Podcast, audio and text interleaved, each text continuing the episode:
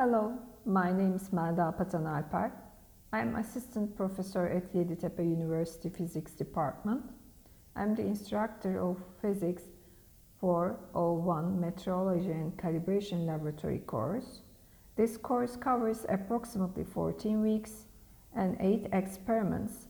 The aim of this course is to gain experience in metrology and dimensional calibrations to calibrate different types of thermometers, to learn the international temperature scale, to use of liquid beds and dry furnaces, to gain experience in micrometer and caliper calibrations, to create measurement uncertainty in temperature and dimensional measurements, to analyze the measurement result in a national international guide show how to report based on documents.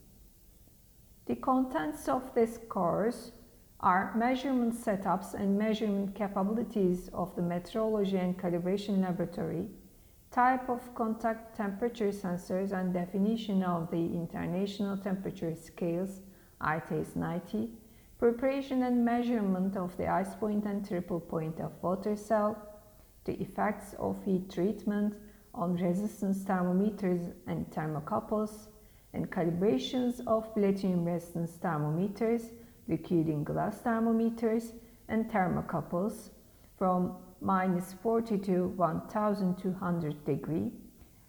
And also we will talk about dimensional calibrations by comparison methods such as caliper and micrometers, and realization of the best measurement uncertainty calculations according to guidance document EA 4 slash 2.